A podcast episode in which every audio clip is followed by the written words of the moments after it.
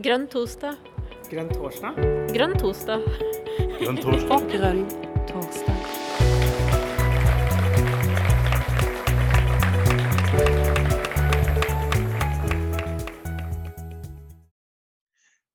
Ja, nei, men hyggelig med grønn torsdag.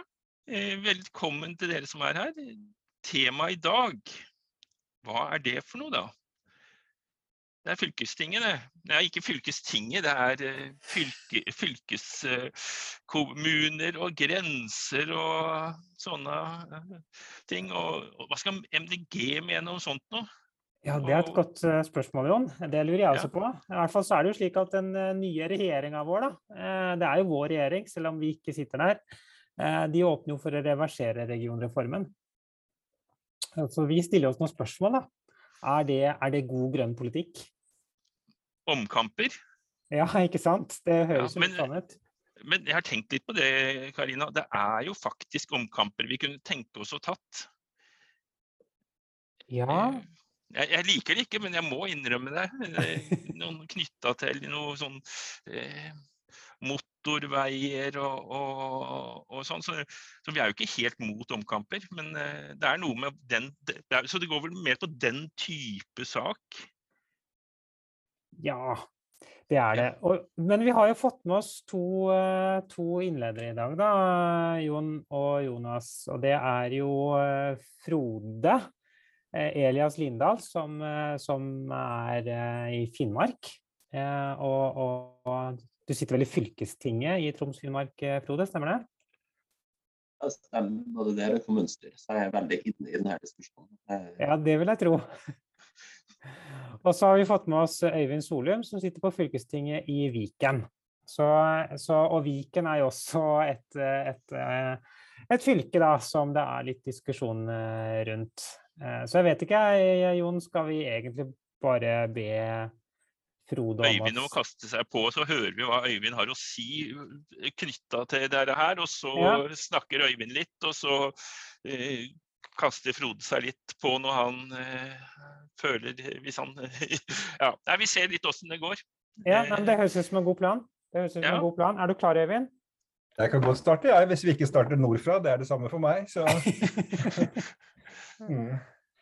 Men eh, greit. Um, ja, nei, Viken eh, står jo i en prosess hvor vi skal avgjøre oppløsning eller ikke. Og bare for å si det først, jeg syns jo ikke det er noe uvesentlig spørsmål som eh, for så vidt eh, noen fleiper med.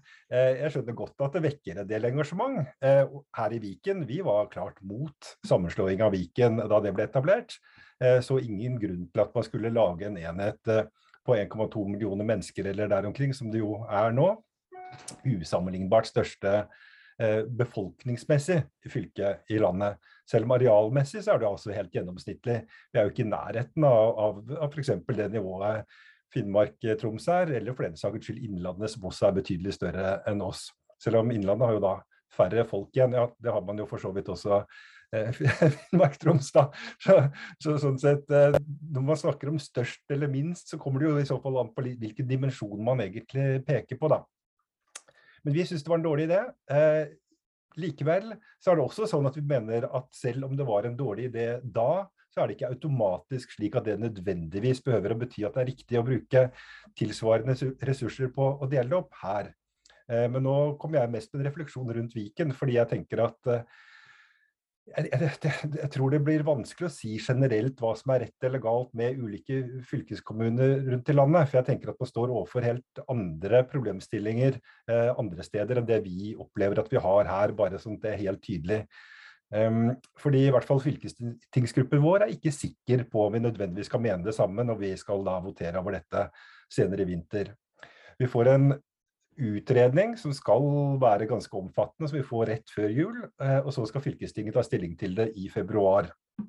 Og vi eh, ser at allerede nå så er det mange politikere som, og i administrasjonen som sier at man ikke har mulighet for å ta stilling til de og de sakene, altså store regionale planer, temastrategier, så sentrale deler egentlig av den politikken som også vi er opptatt av fordi man må avvente hva de kommende fylkene da eventuelt eh, vil, gå inn for. Man sier også for så vidt at uansett hva man mener, så har man ikke kapasitet.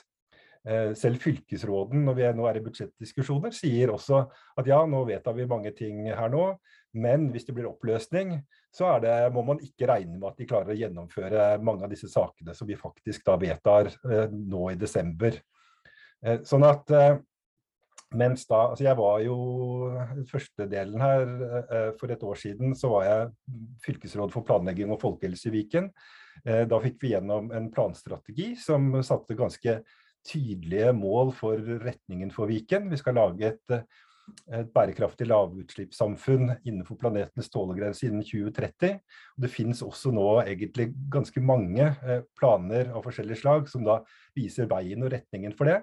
Jeg tenker at det er totalt urealistisk hvis vi går inn i en oppløsningsprosess. Så da blir på en måte litt sånn spissformulert spørsmålet i, vårt tilfelle hva er viktigst? Lage et bærekraftig lavutslippssamfunn innen planetens tålegrense, eller omorganisering av bare fylkeskommunalt ansatte? Eh, så er det en spissformulering som på en måte kanskje er treffende her, men det er ikke sikkert at det er det samme f.eks. Eh, i andre fylkeskommuner. For det kan hende at, eh, at, man der nesten kanskje kan snu på det og si at hvis man ikke får en oppløsning, hvis man ikke lager en annen struktur, da blir det ikke mulig å lage en bærekraftig løsning osv. Hvis det er sånn, så tenker jeg jo at da er det jo den situasjonen man må bygge på. Men likevel, i hvert fall her i, i Viken, så opplever jeg vel at det, det er ikke slik at det nødvendigvis er dårlig samarbeid um, liksom de, de, gamle, på tvers av de gamle fylkeskommunene. Folk fra Buskerud og uh, de fra Østfold og for så vidt Akershus snakker helt greit med hverandre. Man har helt fine um, samarbeid blant politikerne. Eh, fagfolkene i fylkeskommunen sier at de har mye bedre ressurser nå til å få til flere ting. Eh, bygd opp andre fagmiljøer som, er, som, jobber godt sammen, stadig bedre sammen, selv om det har vært innkjøringsproblemer. Så det er egentlig ingen argumenter på det nivået der. Så det er egentlig mer et sånt prinsippspørsmål, som i hvert fall særlig noen partier er opptatt av, at man da ønsker at det skal brytes opp til det gamle, fordi man ikke ønsker at det blir etablert i utgangspunktet bl.a., eller at man også ønsker at det skal være mindre enheter. Eh, også for så vidt ut ifra en tanke om at det skal være større nærhet eh, mellom da velgere eh, og de folkevalgte, også i det fylkeskommunale nivået. Og Det er jo i og for seg et argument vi deler, så det er egentlig mer å veie det opp mot det som er realiteten, som jo er at det er en kostnad, også i kroner, ganske mange hundre millioner kroner, i hvert fall her i, i Viken har man beregnet, siden det er såpass omfattende. Og det er også dette med kapasitet som er det som vi egentlig er mest bekymret for. Eh, at det bremser rett og slett gjennomføringen av veldig mye viktig. Men likevel, det, der folk møter fylkeskommunen, er jo når de går på bussen, eller når de går på den videregående skolen, eller går til tannlegen. Det er svært få av dem egentlig som dukker opp i fylkestingssalen. Altså, man opplever det jo knapt nok. Eh, I høyden så ser du jo på liksom, overføringene digitalt, men de, de, gjør jo stort sett ikke det heller. Eh, og hvis de skulle være opptatt av noe, så tar man og ringer eller sender en e-post, men dukker ikke opp der. Sånn at egentlig så er det den utfordringen der opplever jeg som relativt liten. Eh, mens da altså dette med forsinkelsen og det å lage gode tjenester er langt mer vesentlig. Så nå vet jeg ikke riktig hvor Jeg tenker at det for så vidt er greit som en start litt på noen sånne av våre dilemmaer, hvor vi, vi, ikke nå nødvendigvis tenker at vi skal stemme det samme som vi gjorde da vi stemte mot Viken. Eh, selv om vi altså for så vidt ikke har tatt eh, ja, vi, vi, vi, tenker å avvente utredningen og så ta en diskusjon. Men uh, dere hører jo litt at vinden blåser litt med å vektlegge argumentene annerledes enn vi gjorde sist likevel, i vårt tilfelle. Så kan jeg godt si litt om dette med tanker og folkeavstemning og sånt uh, etterpå, kanskje knyttet til det. Men uh, vi kan kanskje heller komme tilbake til, til det etterpå. Ja, takk Øyvind. Eh, interessant. Eh, Frode, Åssen er eh, virkeligheten sett fra deg i Alta? Alta har jo, der har det jo vært litt spesielt, har vi i hvert fall sett på nasjonale medier. Og så er det jo også da på fylkesnivå. Hva, hva tenker man som MDG-er der? Mm. Helt grunnleggende så er det jo det var veldig hyggelig at eh, Øyvind fikk innlede, for at de tankene han har, det er jo ting vi deler, det, jo, det, går jo på det med hva er det det er viktig å bruke tida på, hvordan, hvordan prosesser er vi skal gjøre, og, og, og, og den typen pragmatiske vurderinger. Men jeg må først bare sånn sett um, det er jo ulike meninger her, og, særlig, og det er også ulike meninger i Alta. Så her er noen runder vi må ta lokalt for å finne ut hva vi syns om eventuelt Alta sin framtid. Men eh, jeg har en personlig bakgrunn hvor jeg både er jeg har en veldig sterk Vest-Finnmarksidentitet, regner meg sjøl som finnmarking. Jeg har også en, eh, så, sånn sett en anarkistisk bakgrunn da, inn i det grønne prosjektet, og mine, mine meninger er selvfølgelig veldig prega av det. Så jeg bare sier jeg det før jeg begynner å argumentere, men da vet dere hvor jeg er fra. Jeg mener at de anarkistiske eh, grunnprinsippene om maktfordeling og muligheten til å gå ut er veldig viktige. Og det altså er eh, viktige virkemidler for at små enheter kan slippe å bli overkjørt av store. Jeg mener at det, det er ting som burde ligge i den grønne bevegelsen. Eh, men eh, i praksis i den saken vi har nå, er at vi har jo Det her ble jo en veldig stor diskusjon. Uh, fordi altså, det er et par grunner. Det for det første fordi at den finnmarksidentiteten er veldig sterk. Men også det vedtaket ble gjort uh, første gang det ble gjort, så ble det gjort uten en forutgående god prosess. Og da, her, da tråkka man på noen tær, særlig i Finnmark, som har blitt tråkka på før. Og det man blir tråkka på før, så gjør det veldig vondt. Og man glemmer ikke smerten. Så at uh, denne saken var på mange måter avgjort allerede den gangen Stortinget gjorde et, altså nærmest eh, på et innfall fant ut at de skulle slå sammen Troms og Finnmark. Og det er veldig mange her som aldri kommer til å endre mening uansett hvilken ny informasjon som kommer til. Så det, det er jo et eh, politisk veldig dårlig håndverk som er gjort av den forrige regjeringa. Jeg tror det ble gjort fordi at de, de regna ikke med å få to regjeringsperioder. Det var en overraskelse, så de prøvde å vedta det raskt mens de hadde makta. Og resten er sånn sett historie. Um, så at det som skjedde her, var at det forrige valget ble på mange måter for mange et protestvalg. Man, eh, man eh, valgte inn, og da, særlig Senterpartiet fikk veldig sterk vind i seilene her oppe. Eh, fordi at folk husker på at hvis det, det går jo tilbake til EU-sak og det går tilbake til andre ting, man kommer plutselig på hvilket parti er det vi kan protestvelge nå som, skal, som vi er sikre på at det er imot alt som er endring. Og da vil man jo ha et konservativt parti, og som også har hos mange distriktseierskap. Så vi fikk jo et fylkesting som ble veldig preget av at de ble større enn de noensinne har vært her. Men det er også et fylkesting hvor eh, Senterpartiet, SV og Arbeiderpartiet finner sammen og egentlig ikke har noe annet felles prosjekt enn at de ønsker å reversere fylkessammenslåingen. Det betyr jo at i våre forsøk på fylkestinget, vi er tre stykker, vi har prøvd å løfte opp natur- og klimaspørsmål. Og vi opplever bare at det er en sak som de ikke ønsker at skal inn under fylkestingets arbeidsområde. Så Strengt tatt så er jeg veldig tilhenger av at vi har tre forvaltningsnivåer. Men hvis vi skal fortsette å holde på på den måten som vi gjør her, så kunne vi like gjerne lagt til fylkeskommunen. Det er ikke konstruktivt, det vi holder på med. Det er et venterom for politikere som har lyst til å ha andre oppgaver, eh, før de eventuelt får lov til å sitte i det regjeringsapparatet. I mellomtiden så får de seg en god lønn. Eh, det, det er egentlig dypt tragisk. Så eh, Eh, det veier jo veldig tungt på oss og fylkestingsgruppa at vi skal prøve å finne en løsning som er god for alle. Og Der er jo spørsmålet om vi klarer å ha et godt og stort fagmiljø i en, et lite fylke. Det er, det, det er, på en måte den bekymringa vi tar inn i det her, helt uavhengig av altså, det at det blir en, en splittelse er en realitet. Det handler om at uh, særlig Senterpartiet har så mye politisk kapital i det at noe annet er, er et selvmord for dem. Så at det vil skje, og da er vi bekymra for om blir det et godt nok tilbud i Finnmark. Klarer vi å bygge de fagmiljøene? Klarer folk å få gjort jobben sin? Det, det, er jo noe vi, vi virkelig er nødt til å se på. Eh, jeg er jo personlig veldig tilhenger av at vi fortsatt har et Finnmark. og Det er særlig fordi at Øst-Finnmark som et distrikt som er veldig langt unna andre ting, er veldig avhengig av å ha, være en del av Norge, og at vi legger en del tjenester dit. Jeg er personlig veldig sterk tilhenger av et eh, Og det handler jo om den grensetilknytninga til Russland også, at vi da har et sterkt politisk tyngdepunkt eh, lengst øst i landet. For at jeg ønsker at det tyngdepunktet vårt skal være sivilt og ikke militært. Jeg mener at det sånn sett det burde være en selvfølge at vi har et administrasjonssenter i Øst-Finnmark. At vi har eh, da en, en, befolkning som da er sammensatt av folk med altså både altså ulike typer utdanning, men at det er en, et sted hvor også vi kan ha folk med høyere utdanning som kan jobbe der. Vi har jo allerede en del juristmiljøer og sånne ting. Jeg mener at det er veldig viktig sånn geopolitisk for Norge. Og at det er ting som er viktigere enn enn noe annet. da, fordi at det her er, det, det er forbi på en måte administrasjonen av fylkene. Men jeg kan jo likevel, da, bare for at det ikke blir altfor langt, så kan jeg ta en liten anekdote.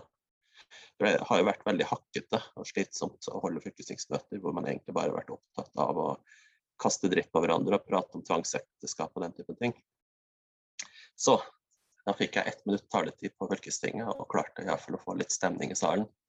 Eh, jeg sa noe omtrent som at her er jo eh, det er en situasjon hvor vi har fått et arrangert ekteskap med bestevennen. Eh, det er jo selvfølgelig, Vi er jo glad i bestevennen vår. Det, det var ikke nødvendigvis sånn at vi hadde planer om et samliv. Men når, når det en gang er skjedd, så har vi jo tatt inn i det her samarbeidet mine barn, dine barn, våres barn, eventuelle andres barn underveis. Barn som skulle dit og ikke kom osv. Og, og at nå i ettertid så er vi jo nødt til å prøve å sørge for at alle de barna får en ordentlig oppfølging og blir passa på. At ikke noen da blir eh, rekende rundt foreldreløse etter sammenslåing. Og det, det var iallfall en måte å, å, å sette litt mer glede inn i den debatten som var veldig forutsigbar. Da. Takk. Takk interessant. Eh, men eh, jeg er jo litt usikker på om du egentlig sa om du støtta splittelse eller ikke. Om dere har tatt noe eget standpunkt til det i gruppa? Har dere det? Jeg skulle vært politiker for å si så mye uten å svare på spørsmålet. jeg, er veldig, jeg, er veldig, jeg er veldig sterk tilhenger av at vi etablerer Finnmark nytt igjen. Eh, og så eh, har vi noen store betenkeligheter i forhold til om det er forsvarlig, om vi får et godt tjenestetilbud. Og det må vi løse underveis. Det, det kommer til å være det vi jobber med, at, at ikke det her blir eh, på en uforsvarlig måte. Mm. Men var dere enige da i gruppa? I, i, i, gruppa, I gruppa er det en løpende diskusjon på hvordan vi løser det her best mulig. Men realiteten er at det blir reversert. Så vi jobber for at den reverseringa skjer på en best mulig måte. Det det, det, det, er det som vil skje. Og mm. vi forholder oss til realiteten i det. Og at det må da skje på en god måte uten at vi Vi er veldig bekymra for at det fylkestinget nå ikke kommer til å forholde seg til noen andre politiske saker fordi man er så opptatt med å reversere i to år, og det er å kaste partiet for en landsdel som har mange store utfordringer. Mm. Nei, interessant. Jeg hørte jo det at du snakka opp Finnmark, eh, Frode. Men jeg var liksom litt usikker på om det ble konklusjonen. ja.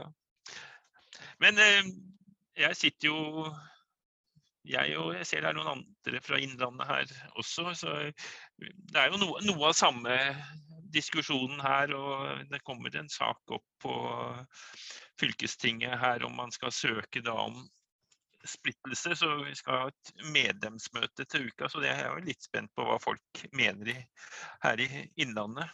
Eh, men eh, det jeg har hørt så langt, er jo veldig likt det som både Øyvind og Frode er innom. Altså, det, der, det, ser ut som den nye fylkeskommunen med større ressurser fungerer bedre enn det gjorde før. Og så eh, hva blir konsekvensen hvis man da snur seg her? Mm. Jeg må jo si Nei, men vent litt, da. Jeg må jo si, Jon, at, at, jeg følger jo det som skjer nå i Innlandet med største interesse. Fordi jeg bor jo i en kommune som var en del av Oppland, og, Oppland, og som nå er en del av uh, Viken. Uh, og, og, og uh, jeg har jo snakket litt med kommuneadministrasjonen. Jeg sitter jo i kommunestyret i Lunde kommune. Og, og, og, administrasjonen er jo veldig entydig på at den oppfølgingen de får fra Viken fylke, er så absurd mye bedre enn den oppfølgingen som de tidligere fikk fra Oppland eh, fylke. Ehm, men, og samtidig så, så, så er det jo sånn at dersom man splitter Hedmark og Oppland, så blir det ikke Oppland som før. Fordi at sannsynligheten for at Jevnaker og Lunde kommer tilbake inn i Oppland, er jo tilnærmet null. Mm. Så, så, så det blir jo i så fall et, et, et, et, eh, mer Det er et redusert Oppland i tilfelle i forhold til hva det var før, da. Karina drømmer jo egentlig om å komme tilbake igjen til Oppland. Det er jo det som er Jeg gjør det, men det er en, det er en tapt sak. ja, Øyvind, skal vi gå litt videre? Mm. Ja, er det, er det, er det liksom folkeavstemningsspørsmålet du vil ha?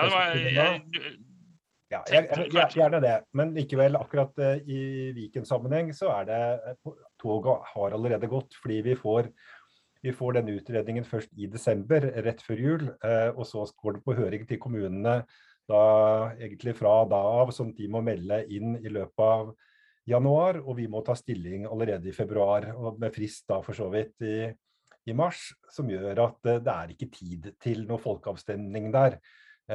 særlig også fordi hvis det skulle ha vært en meningsfull folkeavstemning, så, så, for at den skulle være noe som i hvert fall jeg syns hadde hatt noe fornuft, så måtte den være godt opplyst. Altså Man må vente f.eks. på da denne utredningen. Man må ha mulighet til å kunne legge frem den informasjonen for befolkningen. Det må være tilstrekkelig offentlig debatt rundt det. Eh, og for så vidt jeg mener at eh, Selv om Viken-spørsmålet har vært mye debattert, så mener jeg at det har ikke vært belyst. Eh, fordi veldig mye handler om at jeg føler at jeg kommer fra Østfold, eller jeg føler at jeg kommer fra sånn. Men poenget er jo at det gjør man jo uansett. Altså Det endrer jo ikke En fylkeskommunal avgrensning har jo veldig lite å si for den hvor man kommer fra, fordi man kommer fra der man kommer fra uansett. Mens derimot hvis man tydeliggjør da at vel, i vårt tilfelle at det kanskje koster så og så mange hundre millioner, og man også tydeliggjør eventuelt at eh, ja, vi kan gjerne dele det opp hvis man ser det som viktig nok eh, for folk, men likevel at det vil da antagelig bety f.eks. at noen av disse videregående skolene blir forsinket. De skjer ikke. Eh, vi ser allerede nå f.eks. at vi, får ikke, vi har ikke råd til nok kollektivtransport fordi man bruker ressursene også annerledes. Kanskje ser man også at da, som vi var inne på tidligere, disse regionale planene hvor vi da skal prøve å forankre Eh, klimabudsjett, klimaregnskap, ta vare på naturmangfold, hva, hva er et bærekraftig samfunn osv. Alle disse løpene. At det vil nesten sikkert måtte bli dramatisk forsinket fordi man rett og slett ikke har kapasitet til det. Eh, så, så, sånn sett så er det noe med at når folk på en måte svarer på om de ønsker Viken eller ikke, ja eller nei til det, så tar de ikke inn over seg disse andre faktorene. For det er jo det samme som gjør da at eh, at i hvert fall fylkestingsgruppen nå da, eh, fort vil si at nei, vi var mot Viken. Men likevel, nei, det er ikke dermed sikkert at vi går for oppløsning likevel, fordi vi da mener at disse ulempene antagelig er for store i den situasjonen vi er nå. At det i vårt tilfelle ville være mer en sånn type å bruke ressursene da bare på intern omorganisering, som egentlig ikke hjelper folk. Eh, det blir mer bare et følelsesspørsmål da, i hovedsak. Og så mener jeg at det som sagt, kanskje er annerledes i nord, fordi man egentlig har andre utfordringer der. så Derfor er det, er det ikke sikkert at den type eh, vurderinger er like hardtslående andre steder, men likevel at det er i hvert fall den type problematikk da bør løftes opp for at det skal bli, være en reell folkeavstemning som har verdi. Men selv da så er det ikke sikkert at det er nok. Også hvis vi sier at selv om jo en, et spørsmål om sammenslåing eller oppløsning av kommuner og fylker er i grunnen en rimelig ting å kunne ta folkeavstemning om, hvis man først skal gjøre det. Men likevel, generelt sett, så må man også kunne si at eh, for at den i så fall ikke bare skal være rådgivende da, for politikerne, eventuelt bli oppfattet som bindende, eh, som i og for seg skal mye til at man gjør i Norge, eh, i hvert fall på kommunenivå, og fylkeskommune også for så vidt, eh, så er det noe med at man må ha en krav om at det må være minst så og så stor deltakelse. Altså Hvis man tenker seg f.eks. da at eh, det er 30% av de, de, som har stemmerett, som deltar i et valg, og så av de igjen, så er det da la oss si det som da totalt sett vil være 16% altså litt over halvparten, da, som stemmer for eller mot en ting, og så skal det da avgjøre noe på vegne av alle. Det er egentlig urimelig etter min mening. Men likevel, hvis man skulle kjørt det med folkeavstemning til ytterpunktet, eller uten å ha noen begrensninger på det, så ville man jo fort havne der. At, man, at nettopp et veldig lite mindretall plutselig skulle avgjøre noe veldig stort for et helt fylke. Eh, og da er jeg redd for at man ikke nødvendigvis automatisk handler i noe som er best mulig utvikling av et demokrati i Norge, men at det like mye er at man slipper til populistiske, lettvinte krefter. Altså at man lager altså hvis, hvis dette blir et system, da, at man åpner for folkeavstemninger uten noe forbehold med deltakelse eller, eller med hvor stort flertallet skal være, så er det like mye at man da kan åpne for at folks fordommer og populistiske gruppers eh, måte, kampanjer kan være det da som styrer politikken, og som vil da fort lage mer polarisering i samfunnet.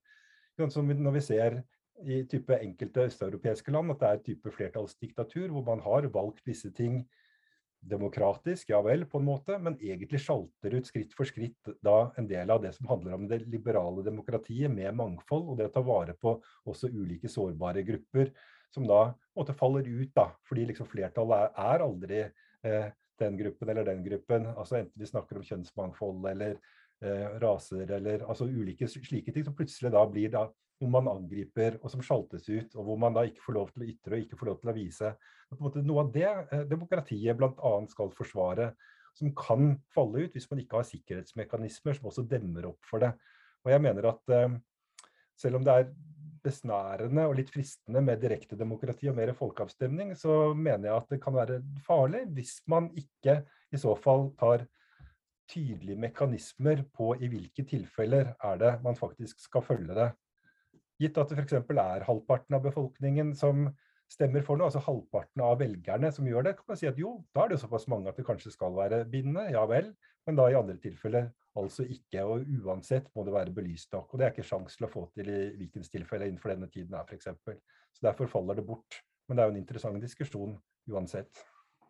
Men eh, jeg tror vel ikke du sa det helt klart, men det, det, er da en frist som er satt fra departementet eller på å søke om oppløsning. Var det da 1. mars eller 1. april? I, jeg husker ikke datoen, det er i mars, ja. Eh, ja. og det, det, er for å rekke fristen eh, med at neste fylkestingsvalg skal bli til de nye fylkene.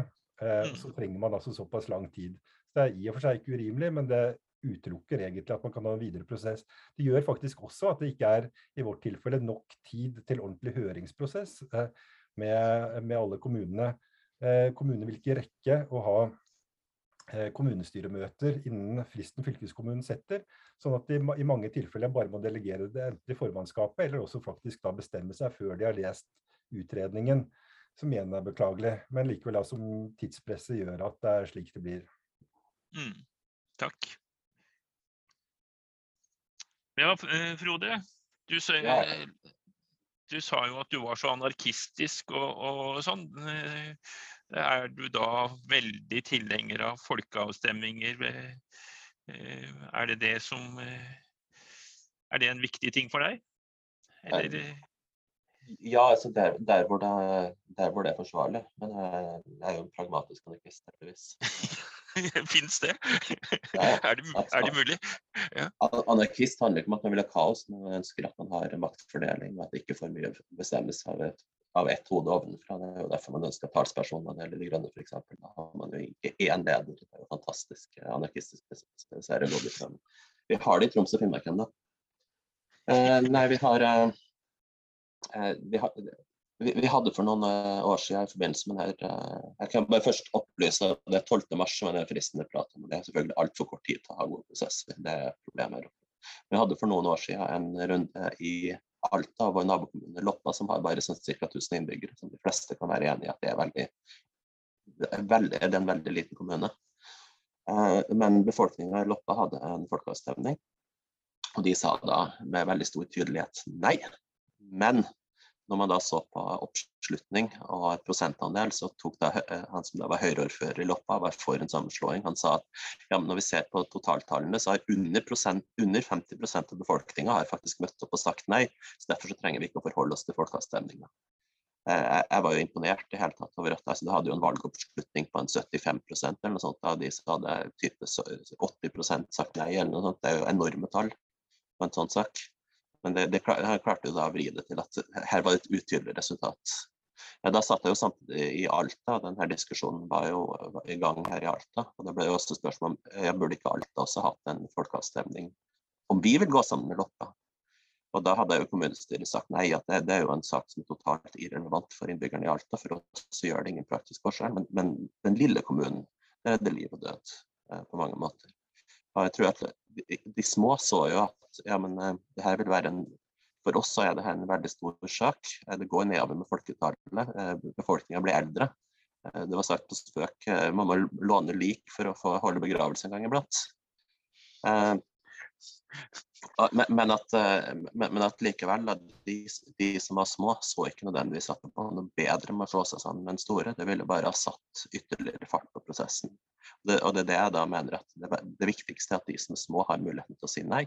Og eventuelt også at de som er små, har muligheten til å altså Hvis det er bygd i Alta som føler seg veldig dårlig behandla, så har de muligheten til å samle underskrifter og si at de har lyst til å gå over til en annen kommune. Det er en veldig god måte å sikre eh, at ikke flertallet kan legge ned mindretallet. Det har vi også i forhold til f.eks. For friskoleloven. hvor eh, altså Hvis Alta kommune ønsker å legge ned en skole, så kan Eh, lokalbefolkninga, hvis det er nok tak i dem, ta og etablere sin egen skole. Det skjedde i Kåfjord i Alta. De, når vi hadde nedleggingsvedtak, så har de stabla på plass en Montessori-skole og prøver å holde liv i et samfunn som vi som kommune i realiteten prøvde å legge ned som en soveby. Så, og, det, og det samme får vi jo da eh, det, det, det, er det som da jeg mener bør ligge den grønne anarkismen, i at man tilrettelegger for at de små har muligheten til å til å velge, og ikke, eh, og ikke bli overkjørt av et flertall som bor eh, Altså et folkemessig flertall, for at det setter fart i sentralisering eh, hvis mindretallet har veldig litt å si i politiske prosesser. Men når det gjelder denne prosessen som helhet, altså jeg synes at det er grunnleggende en god idé å se på kommune- og fylkesgrenser. For at mange av de her oppe er laga på et tidspunkt det var båt som var, altså før veiene kom, når det var båt som var framkomstmiddelet. Men jeg oppfatter jo at det har gått fort, så man har liksom tenkt at det har vært en prestisjesak at man skulle slå sammen ting. og Derfor har man ikke tatt seg tida til de gode, lange prosessene. Eh, for Alta sin del eh, så er vi jo en del av et Finnmark hvor vi har en del eh, Det er en del misunnelse. Misunnelsen er sterkere enn kjønnsdrifta i Finnmark. Det må man ha med seg. Og når Alta da har hatt et økende folketall, så har de andre byene i Finnmark til dels sett det som en litt trussel, og det hender at de slår seg sammen og i fellesskap ønsker en annen løsning i Alta. Og Derfor har Alta eh, rasla med sablene og sagt at ja, vi skal melde oss ut og gå inn i Troms. Jeg mener at dette er veldig synd, for eh, da har, eh, da har man lyktes med å splitt og hersk. Man har fått denne eh, prosessen etter sammenslåingen, og så får vi en ny diskusjon om hvor Alta skal høre til. Det for det første så er det synd for Alta, fordi vi mister alle våre venner i resten av fylket på den måten. Og det er synd for fylket, som risikerer å, å være veldig splitta. Men det er også synd da i forhold til at uh, man lykkes uh, i forhold til en liten region å drive splitt og hersk, og så tar vi ikke opp store ting. Vi tar ikke opp hvordan ressurser fordeles i samfunnet, fordi vi er for opptatt med å diskutere den typen grenseting. Så jeg opplever jo det her som en veldig vellykka strategi fra Høyre. De klarte å drive splitt og hersk i hele landet. I mellomtida så har de fått lov til å holde på en massevis av andre ting som folk burde Vi burde hatt folkeaksjoner mot veldig mange andre ting enn fylkessammenslåinger, men nå er vi nødt til å gjøre det også. Og det, eh, jeg opplever jo andre partier er veldig flinke til å lage saker. Altså Når de ikke har interessant politikk, så lager de saker som engasjerer. og så tar det og altså det, politiske rommet har en viss mengde surstoff, en viss mengde oksygen. og Når de lager sånne saker, så bruker de opp alt oksygenet, de bruker opp all medieoppmerksomheten. Og så er det de her sakene som, eh, som eh, styrer dagsordenen. Vi burde være mye flinkere til å bare påtale det og si at det her er, det her er saker som dere har lagt, laga fordi dere ikke har annen politikk. Eh, det ser vi i andre land også. man man produserer eh, Man lager på en måte sånne stråmannskamper som man kan drive og kjempe istedenfor å prate om eh, store, viktige spørsmål som naturødeleggelser og klimaendring og de ting. Og alle andre ting. Skattepolitikk, fordelingspolitikk, sosial profil. Det, det, det, er store, viktige ting i folks liv som betyr mer enn hvor fylkesorganisasjonen ligger. Men likevel så så, så syns jeg jo da, altså som referanse til eh, Det var noen spørsmål på chatten her om små kommuner i i Akershus eller Viken eller Innlandet eller hvor det nå blir hen. Eh, jeg syns det er veldig fint at de har mulighetene den dagen jeg syns at eh, fylkeskommunen deres gjør en dårlig jobb og sier at de kan lage en søknad og ønsker å tilhøre et annet område. Det mener jeg er en sikkerhetsventil som vi skal holde på. Derfor er jeg veldig positiv til folkeavstemninger der hvor folk faktisk bryr seg. Men, eh, men ikke, ikke, for å få 10 oppslutning, for det går det ikke an å bruke til noe som helst. Hvis, da, hvis det er en sak som folk ikke er interessert i, så skal vi ikke bruke krefter på det. Ok, eh, ja. Takk skal du ha, Frode. Ehm, da vil vi gjerne invitere alle andre også til å si noe. Da kan dere tegne dere med å bruke raise hand. Eller så kan dere skrive i chatten, så skal vi følge med der òg. Jeg begynner, jeg. Og det er jo eh, Jeg hører jo litt forskjellige synspunkter fra dere på det med folkeavstemninger. Og det, vi sier jo i prinsipprogrammet at vi syns at folkeavstemninger er en god idé. Eh, sånn mer eller mindre. Så det kan jo kanskje bli en interessant eh, diskusjon når det prinsipprogrammet skal eh, revideres, eller hva tror du, Øyvind? Tror du vi kommer til å lande på noe annet? Jeg skal ikke forskuttere hva MDG burde lande på, og for den saks skyld eh, Nei. Men altså, jeg, jeg, har noen motforestillinger, men jeg er egentlig enig i, i mye av dette som, som det altså, betraktningene fra, fra nord liksom, rundt dette, med at i hvert fall at kommuner bør ha lov til å, å søke om overgang til andre fylker f.eks. og alt dette. Jeg er helt enig i det. Og at uh, folkeavstemninger kan uh, ha en plass i en del sånne sammenhenger. Men likevel tenker jeg vel også da at uh, jeg tror at hvis vi skal snakke om verdien av det, så bør vi også kunne snakke om begrensningen til det. Da. At det, det, er ikke godt i ethvert tilfelle, ethvert spørsmål. Eh, så, så, da blir det mer det som er diskusjonen. Så jeg mener at vi fortsatt godt kan måtte snakke pent om folkeavstemningers plass, altså MDGs partiprogram, men likevel som jeg var litt inne på, hvis det brukes ukritisk, så kan det mer åpne for helt andre typer impulser i, i samfunnet, og bryte ned egentlig visse sider av det liberale demokratiet. Det tror jeg vel heller ikke vi ønsker. Så det er den balansen da, som vi i så fall er nødt til å lete etter. Og, og ha nok tid til at saken er belyst. Det er også grunnleggende uansett egentlig det øvrige.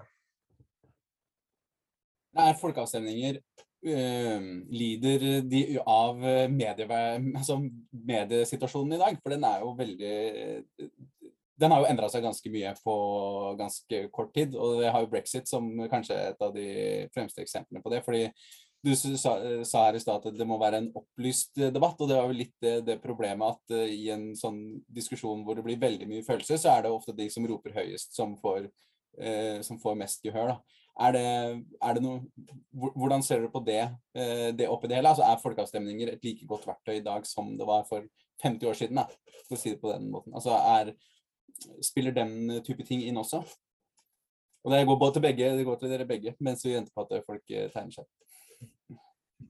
For å svare kort fra min side, i hvert fall. Eh, jeg, jeg syns det er litt vanskelig å liksom si om det er bedre eller dårligere for 50 år siden. Jeg tipper at det er noe på plussiden og, og noe på minussiden, egentlig begge veier. Men, men, eh, men, ja, det er en bekymring jeg har, i hvert fall. Hvordan, når vi ser hvordan det er kampanjer som egentlig er drevet av populistiske, splittende bevegelser. Som, som da gjennom å fortegne overdrive konfliktlinjer og egentlig bruker folkeavstemningen for å forsterke konfliktlinjene. Egentlig ikke for å lytte til befolkningen, men mer for å bruke befolkningen for å få støtte til egentlig en annen sak, sånn som vi ser med en del reaksjonære bevegelser. Så jeg mener vel at det er en fare. Eh, og eh, jeg har også sympati for visse aspekter av anarkistisk tenkning, jeg, hvor jeg er helt enig med, med, med Frode at at det behøver ikke å bety noe som handler om kaos. Det kan like gjerne handle om å, nettopp å se hvordan er det man kan lage mer demokrati, mindre enheter, mer nær altså det, det, er mange slike aspekter. Man kan godt legge det i det. I så fall så er vi også veldig sympati for det, men likevel tenker at mye av det lett også blir misbrukt. og at det representative demokratiet det, har en grunn til at vi har det. og, og ehm, Derfor tror jeg i hvert fall ikke at det med folkeavstemning er noen løsning i veldig mange saker, selv om det godt kan være det i noe flere enn det brukes i dag. Takk. Vil du kommentere, Frode? Eh, jeg, jeg, har jo den, den vinklinga om at alt bør avgjøres med direkte demokrati, som noen kjører. Det, det, er veldig misforstått. Jeg er jo veldig motstander av den tankegangen. Du kan ikke løse en budsjettprosess med direkte demokrati.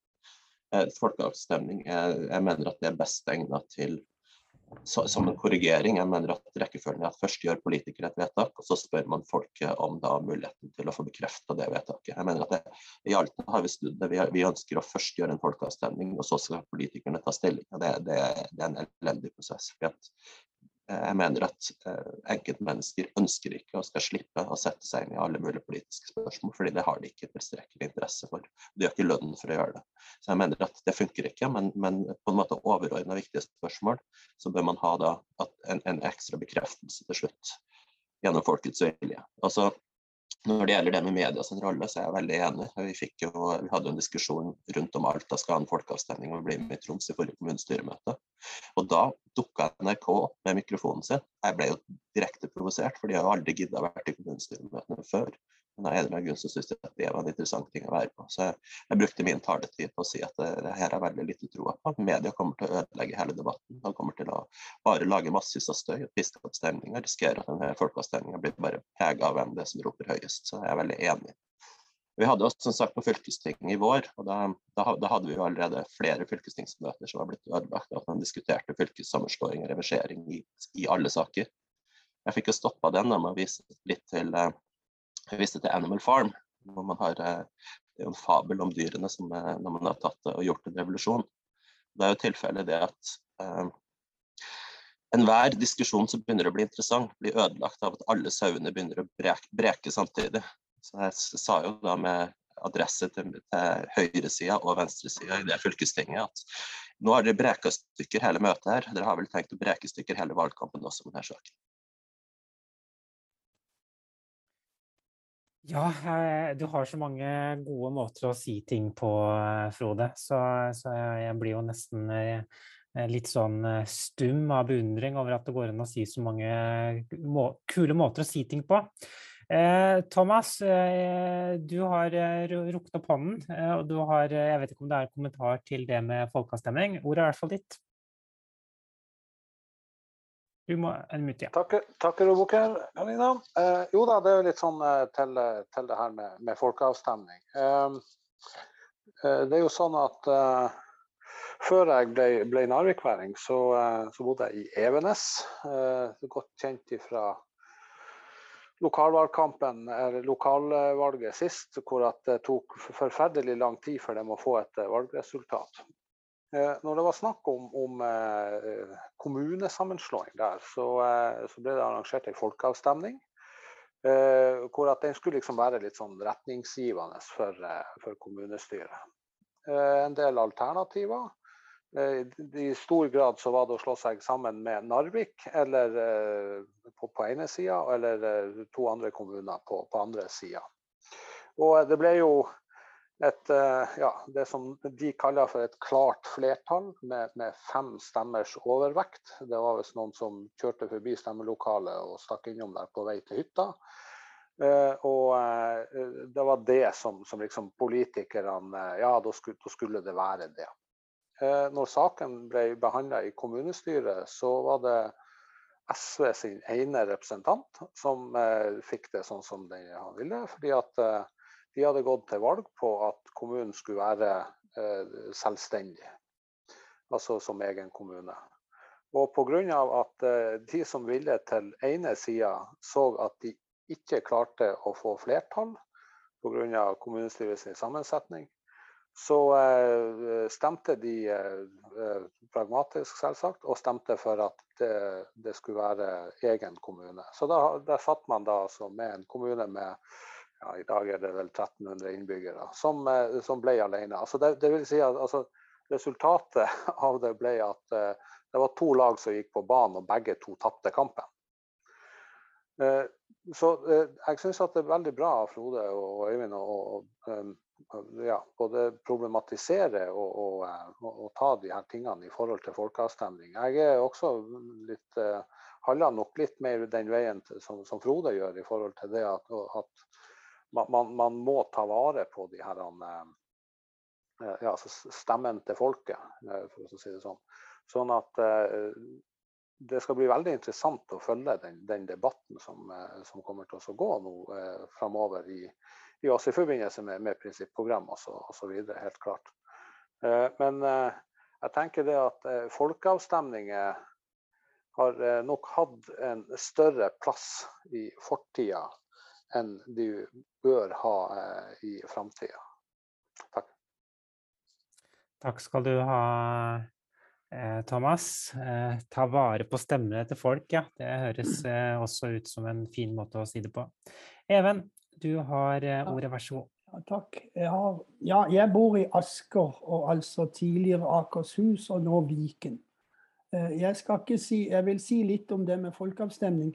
Ikke, ikke, generelt i alle sammenhenger, men når det gjelder folkeavstemning knytta til fylkesnivået eller regional organisering, så tror jeg det ikke er riktig medisin. Altså, det regionale spørsmålene og organiseringen regionalt har ikke stor oppmerksomhet i, i mediebildet. Og, og, jeg følger da Øyvind når han sier at uh, at eh, det er veldig mye følelser knyttet til det. Hvor kommer jeg fra? Vil jeg det skal være sammen med den eller den Og Så sånn at det er ikke egnet for folkeavstemning. Eh, så har jeg, lyst, har jeg et direkte spørsmål til Øyvind. I den prosessen som nå kommer, eh, vil man da vurdere å reversere halvveis? Altså kunne man f.eks. vurdert å delt delt det gamle Akershus og laget et stort Buskerud som inkluderer Asker og Bærum, og et tilsvarende stort Østfold som inkluderer østsiden av det gamle Akershus. Er det en problemstilling som vil bli eh, berørt, tror du, i den, i den analysen som nå kommer? Um, og så Generelt så må jeg jo si at jeg er nokså negativ til omkamper. Men å bringe inn et tema om en annen organisering enn ren, en ren reversering, det kunne virke litt formildende i forhold til temaet omkamp. Takk.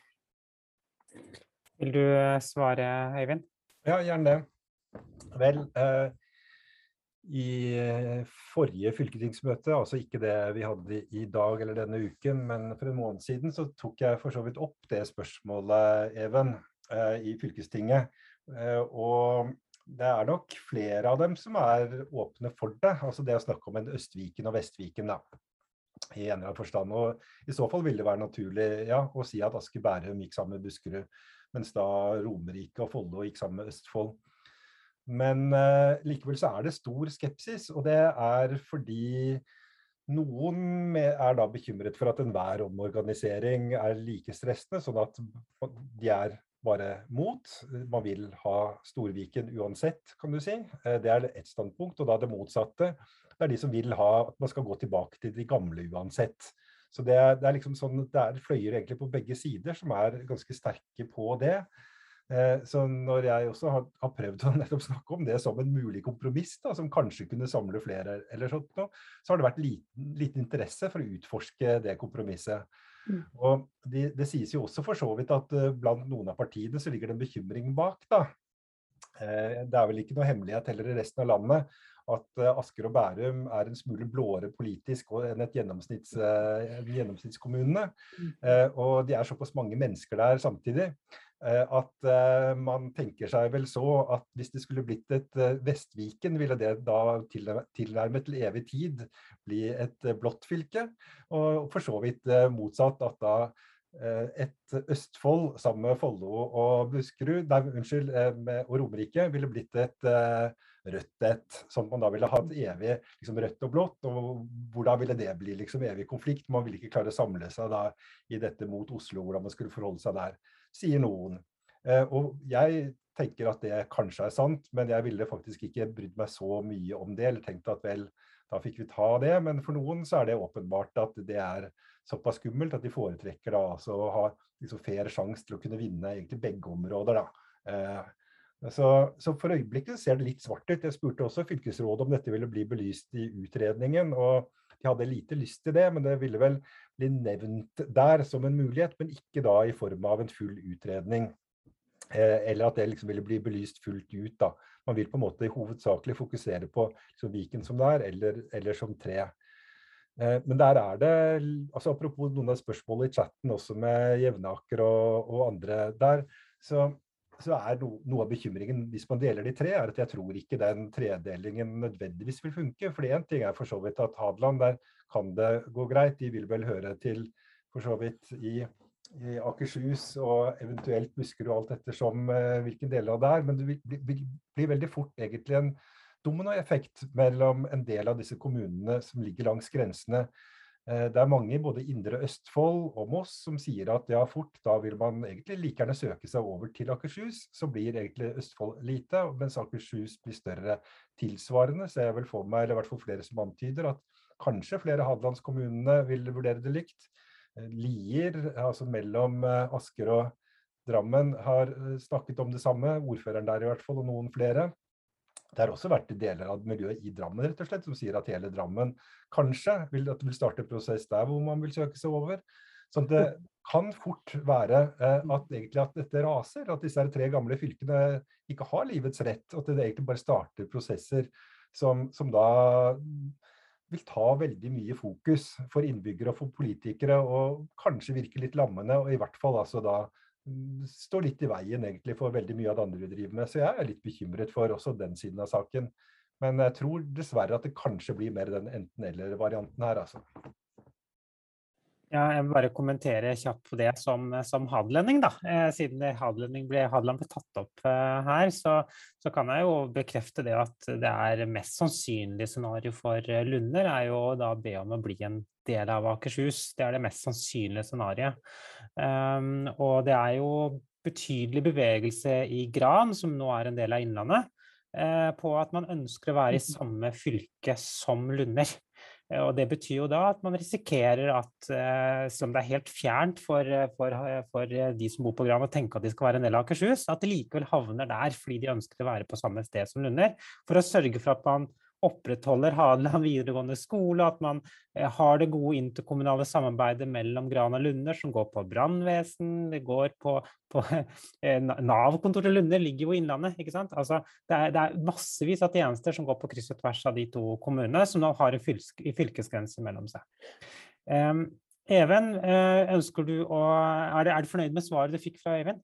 Veldig, veldig fint, eh, fint, å få løftet det, og, og, glad for å høre at temaet iallfall er der. Takk.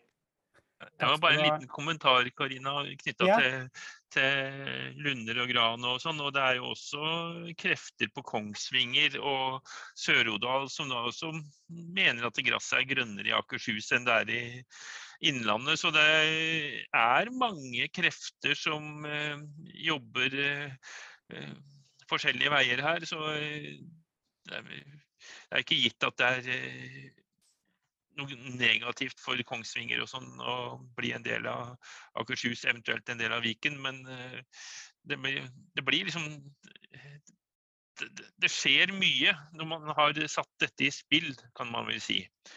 Eh, og da kan vi gi ordet til Terje, som ser ut som han sitter i en fjord på Vestlandet. Eller er det jeg der. Nei, jeg gjør ikke det. Det er en yndlingsfiskeplass en gang oppe i Jølster. Det der. Oh, ja. Vær så god. Mm. Ja. Du, eh, først en kommentar til det du sa noe angående Kongsvinger. Det er litt artig. Eh, for Kongsvinger sykehus er jo lagt inn under eh, Akershus universitetssykehus. Så det tilhører faktisk Akershus så, i, i, allerede der, på den siden. Da. Så, det er, så det er ikke så Og det tror jeg faktisk Kongsvinger-folk er veldig fornøyd med. Istedenfor å reise helt opp til Elverum, så vil de heller inn til Ahus, eh, kortere vei. Og, eh, jeg får argumentene derfra. Kona er derfra, skjønner du. Det er derfor jeg kjenner litt til det. Eh, det jeg ville snakke om, det var litt det Even var inne på. Og jeg er helt enig med han om det der med Jeg så for meg at Viken kunne bestå, men bare beholde Østfold og Akershus i den. Og, og la, som foreslått her, eh, Asker og Bærum eh, gå på Viken vest, eh, eventuelt. Hva de enn måtte bli kalle det. Så det, den, den, den, har, den, har, jo allerede diskutert. Men det jeg ikke liker å høre, det som jeg syns jeg hørte, det var en del at man Det med anarki og, eller anarkisme, også det med fragmentering av lokalsamfunn. Det tror jeg ikke er noe vei å gå. Eh, fordi at vi ser nå at eh, vi har behov for å være litt kraftigere for å få eh, og rett og slett klare de oppgavene som vi eh, til enhver tid er, har krav på oss å, eh, å stå inne for de, i alle kommuner. Eh, vi hadde jo her i Akershus eh, Hurdal kommune som jeg vet ikke hvordan det er akkurat nå, men de har vel vært under administrasjon nå i siste 20 åra eller noe sånt. Eh, og de har jo ikke klart å, å, stå på å gjøre de tingene de er forplikta til å ha. Eh, og gjøre eldreomsorg osv. Men vi ser jo det, hvis vi ser på det store samfunnet, verdensbildet, så ser vi nå at eh, vi har sånne store med USA kontra Europa, Asia osv. Europa begynner å bli veldig liten. Vi blir banka i hjel av uh, de øst og vest. Uh, det ene. Og samme går det ned hvis du går til Europa. Norge er veldig lite. Og, og, vi må stort sett forholde oss til hva de store gutta litt lenger sør sier, sier og gjør. Og sånn blir det også hvis du flytter den logikken der videre ned, som er helt naturlig. Så hvis vi driver og fragmenterer hele samfunnet vårt, at vi skal være veldig små og lykkelige og alt det der som hele høres veldig rosenrødt ut. Men når det kommer til stykket på, alle de tingene vi, vi skal gjennomføre, og de mulighetene vi har nå med digitalisering og ikke, jeg, ikke, jeg liker ikke ordet sentralisering, men, men jeg mener det å gjøre fellesløsninger som eh, er en mye bedre bilde av det, syns jeg. Det at vi legger til rette for at man kan lage løsninger som eh, de små ikke er i stand til å lage. Men hvis vi er litt større, så kan vi faktisk gjennomføre en del tiltak som er til beste for alle innbyggerne. Det var den jeg reagerte på når jeg hørte Jeg er ikke sikker på at jeg hørte riktig, da, men eh, hvis jeg forsto det riktig, så var det den der fragmenteringa som var lagt som at eh, ja, vi er lykkelige som små. Men vi er ikke sikre at vi er det, altså. Det var det jeg skulle si. Ja, han sparka vel litt bort uh, mot ballen til deg, han da, Frode? Ja, jeg er jo, jeg er jo som sagt anarkist på mange måter. Jeg, jeg syns jo f.eks. det er en skandale når uh, Baskeland i Spania ikke har muligheten til å rive seg fri og uh, skape sitt eget samfunn. Jeg mener at alle bør ha en mulighet til det. Men jeg, jeg starter med å si at det, problemet her er at man har gjort en del feil i prosessen. Og det er sikkert ikke så lett for dere å se, men jeg har et bilde bak meg. Og det, det, det viser brenninga av Finnmark. Eh, så Finnmark har en veldig spesiell historie. Man ble brent. Og Den gangen var det usikkert om eh, altså norske samfunnet var ikke sikker på om man ville la folk flytte tilbake igjen. Om man ønska å gjenoppbygge, eller om det var lettest å bare la være. Så at Finnmark har en lang historie med det, med internatskoler, med eh, Man er blitt betalt for å flytte fra samfunn for at det ikke skal lenger skal, skal eksistere.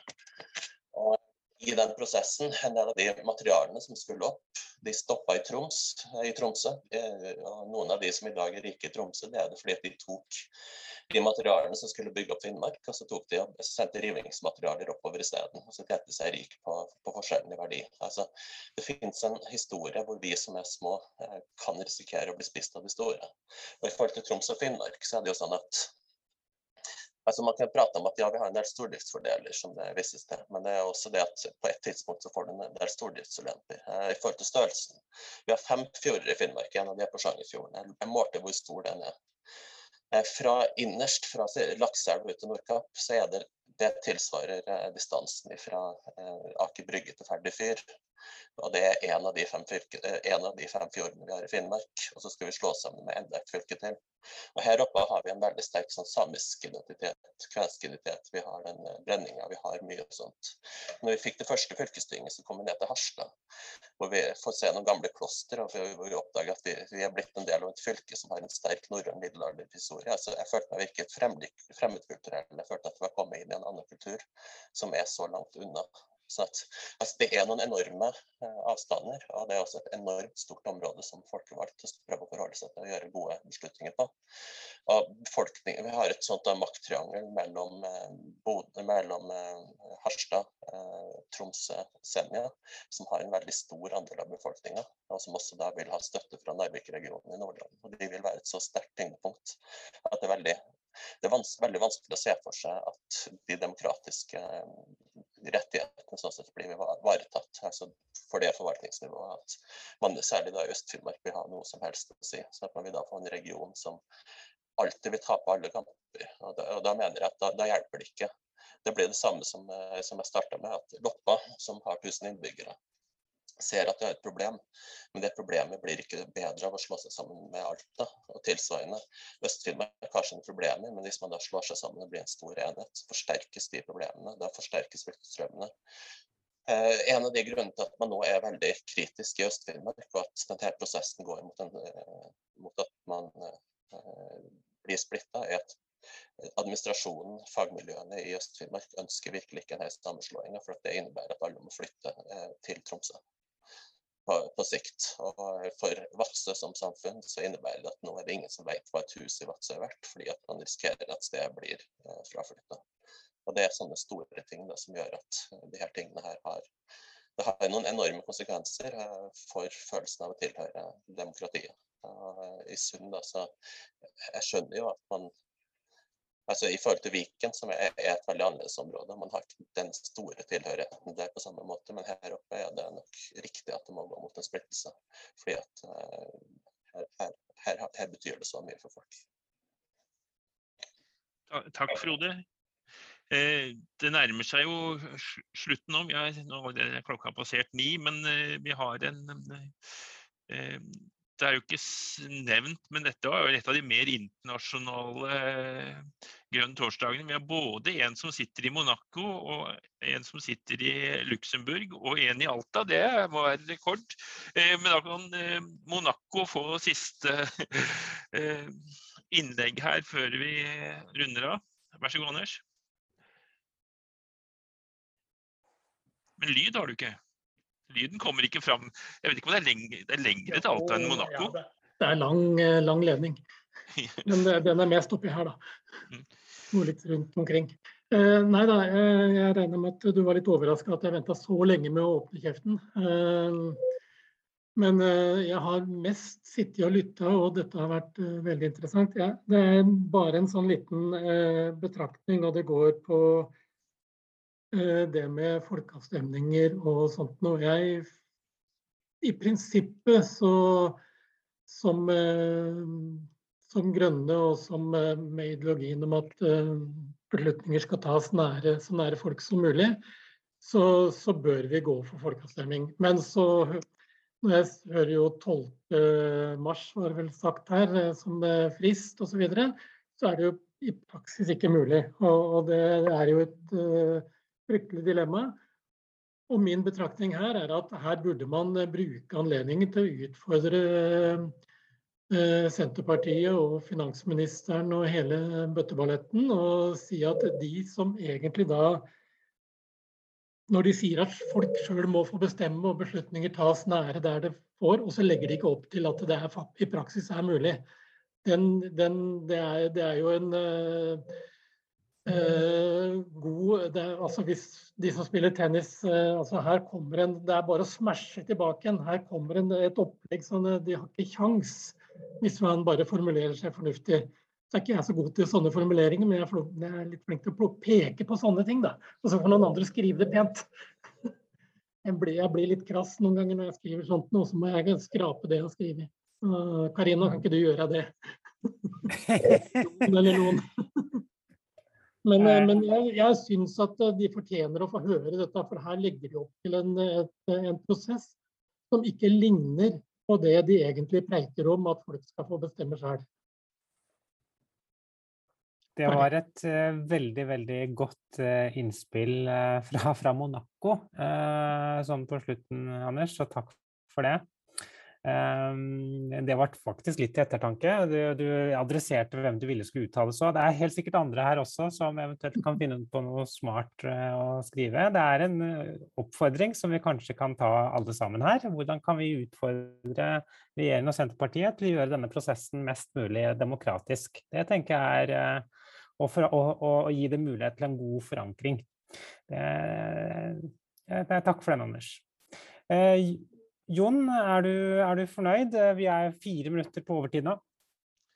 Ja, nei, jeg syns uh, Øyvind og Frode har uh, og de andre som har bidratt her. Eh, det har blitt en eh, interessant sak å følge med på. For det er eh, som alle ting så har, er det flere måter å se dette på. Og det er Gjør man det ene, så skjer det andre. Og verden er litt forskjellig i Alta. Og da er jeg litt usikker på hvor, hvor Øyvind sitter hen.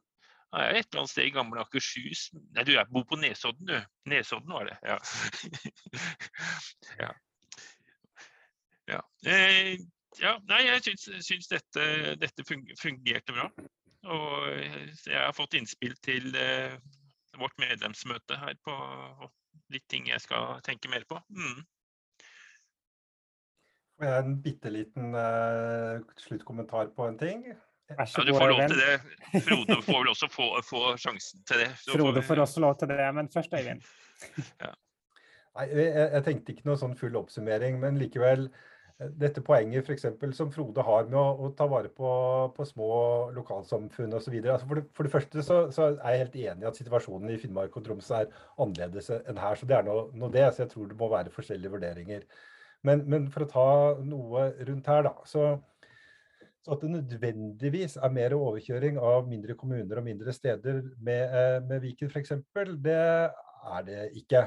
Eh, f.eks. når jeg snakker både med ordførere og vanlige folk i indre Østfold, og for så vidt også en del andre kommuner, så sier de at de faktisk blir mer hørt av fylkeskommunen eh, nå enn da det bare var Østfold. For i det tilfellet der med Indre Østfold f.eks., så så følte de seg mer overkjørt egentlig i generasjoner av det som var liksom, området rundt Nedre Glomma. da, eh, Fredrikstad, Sarpsborg og, og, og, der omkring. Eh, som da har dominert hele Østfold. Eh, og mens da vi som ikke er noen arvefiender eller har noen motsetningsforhold der, har ikke den type konfliktlinjer, og er mer nettopp opptatt av å, å høre på alle distriktene. Tilsvarende så tror jeg vel også at um, Hallingdal eh, føler seg vel så mye hørt og lyttet til, og vel så tett kommunikasjon med fylkeskommunen nå som da det var Buskerud. Eh, sånn at um, det der med at det nødvendigvis er en mindre enhet som alltid skal være best, den er jeg ikke så sikker på om vi skal si er bombesikker. Eh, snarere er det vel noe med er det en struktur hvor man ikke bare viderebringer nettopp den type maktulikhet, eller er det en struktur som prøver å ta vare på alle delene, altså selv om det er innenfor samme organisatoriske enhet.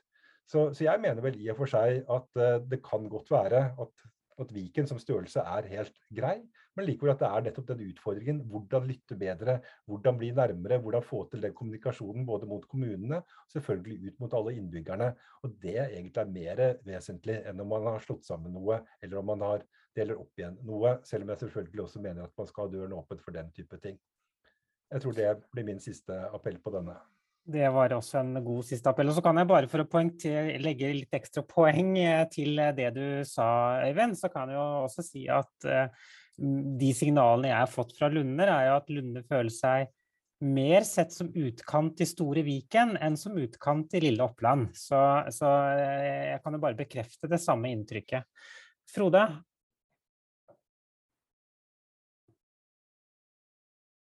Ja, takk. Um vi har nok også en organisasjon i Finnmark som har bare godt av å komme ut i verden og møte noen flere. Det er noe av det gode vi kan ta ut av det her. At nå har man opplevd hvordan andre gjør det.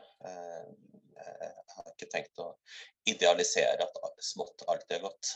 Eh, det er iallfall ikke det det ligger i. Men jeg tror at jeg vil bruke sluttpoenget til, til, å si at dette er et sånn typisk eksempel på eh, gjenta det at det her blir sånne store saker som, som man lager. Vi ser det også på skole, da, hvor man lager sånne saker som for eller mot fritt skolevalg og karakterer og, og, og på en måte fritak og til legen eller ikke osv. Så, videre. så høyre- og venstresida har en veldig stor interesse av å lage denne typen saker. Og så kan de sitte og kaste ball fram og tilbake, og, og, så skal det oppleves som at de diskuterer veldig store, viktige ting. Og det er jo det er en generell utfordring for oss. Og, og det vi av og til kan løsne på, er jo da å prøve å finne en tredje løsning. En Galtung kalte det å transcendere, altså da finne, løfte det opp på et høyere nivå. Vi må jo da prate om hva er det fylkeskommunen skal være. Hvorfor har vi bruk for et tredje forvaltningsnivå, og da si noe om hva det naturlig at ligger innenfor der. Og, og, da vil jeg jo særlig si det at eh, for Troms og Finnmark sin del så med alle de store utbyggingene, gruvedrift, vindkraft, den type ting, så burde fylkeskommunen vært noen som ser det overordna behovet for å ta, eh, gjøre løsninger som er til alles beste, så at man ikke da får at, at, det ikke bare blir enkeltpersoner, enkeltkommuner, men at man, man ser det overordna uten at det er ting som vi kan ta til Stortinget, fordi det er for perifert for at Stortinget har interesse av det. Så vi, vi er jo nødt til å prate om hvorfor har vi bruk for det, hva er de viktige tingene vi skal behandle, hvorfor er det viktig å ha det tredje forvaltningsnivået. Og jeg tror at det er en måte for oss som klarer å ta litt rom i diskusjonen, istedenfor å bare måtte gå inn på andre sida og være for eller mot, uansett ikke ha et eierskap til. Mm. Tusen takk, Frode. Takk skal du ha. Da ti over. Da må vi vel runde av, ikke sant Jonas? Da begynner det å bli helt vilt. Ja, det er rekord der. Vi har aldri holdt på til ti over. ja, vi gjorde, vi gjorde, det forrige gang òg, men da var, ikke, da, var, da, da var, vi alene hjemme. Da var jo ikke du med, Jon. Så da, så det, men det du ikke vet, du konkluderer med det du ikke vet, har du ikke vondt av. Ja. ja. yes. Ja. Men vi er jo plutselig men... tilbake nå, er vi ikke det? Jo, vi er nå det. Ja. ja. To uker. To uker. Ja. Takk for nå. Det var fint. Det gjør vi. Takk skal dere ha, folkens. Vi ses om 14 dagers tid. Det gjør vi. Ha det bra. Ha det bra.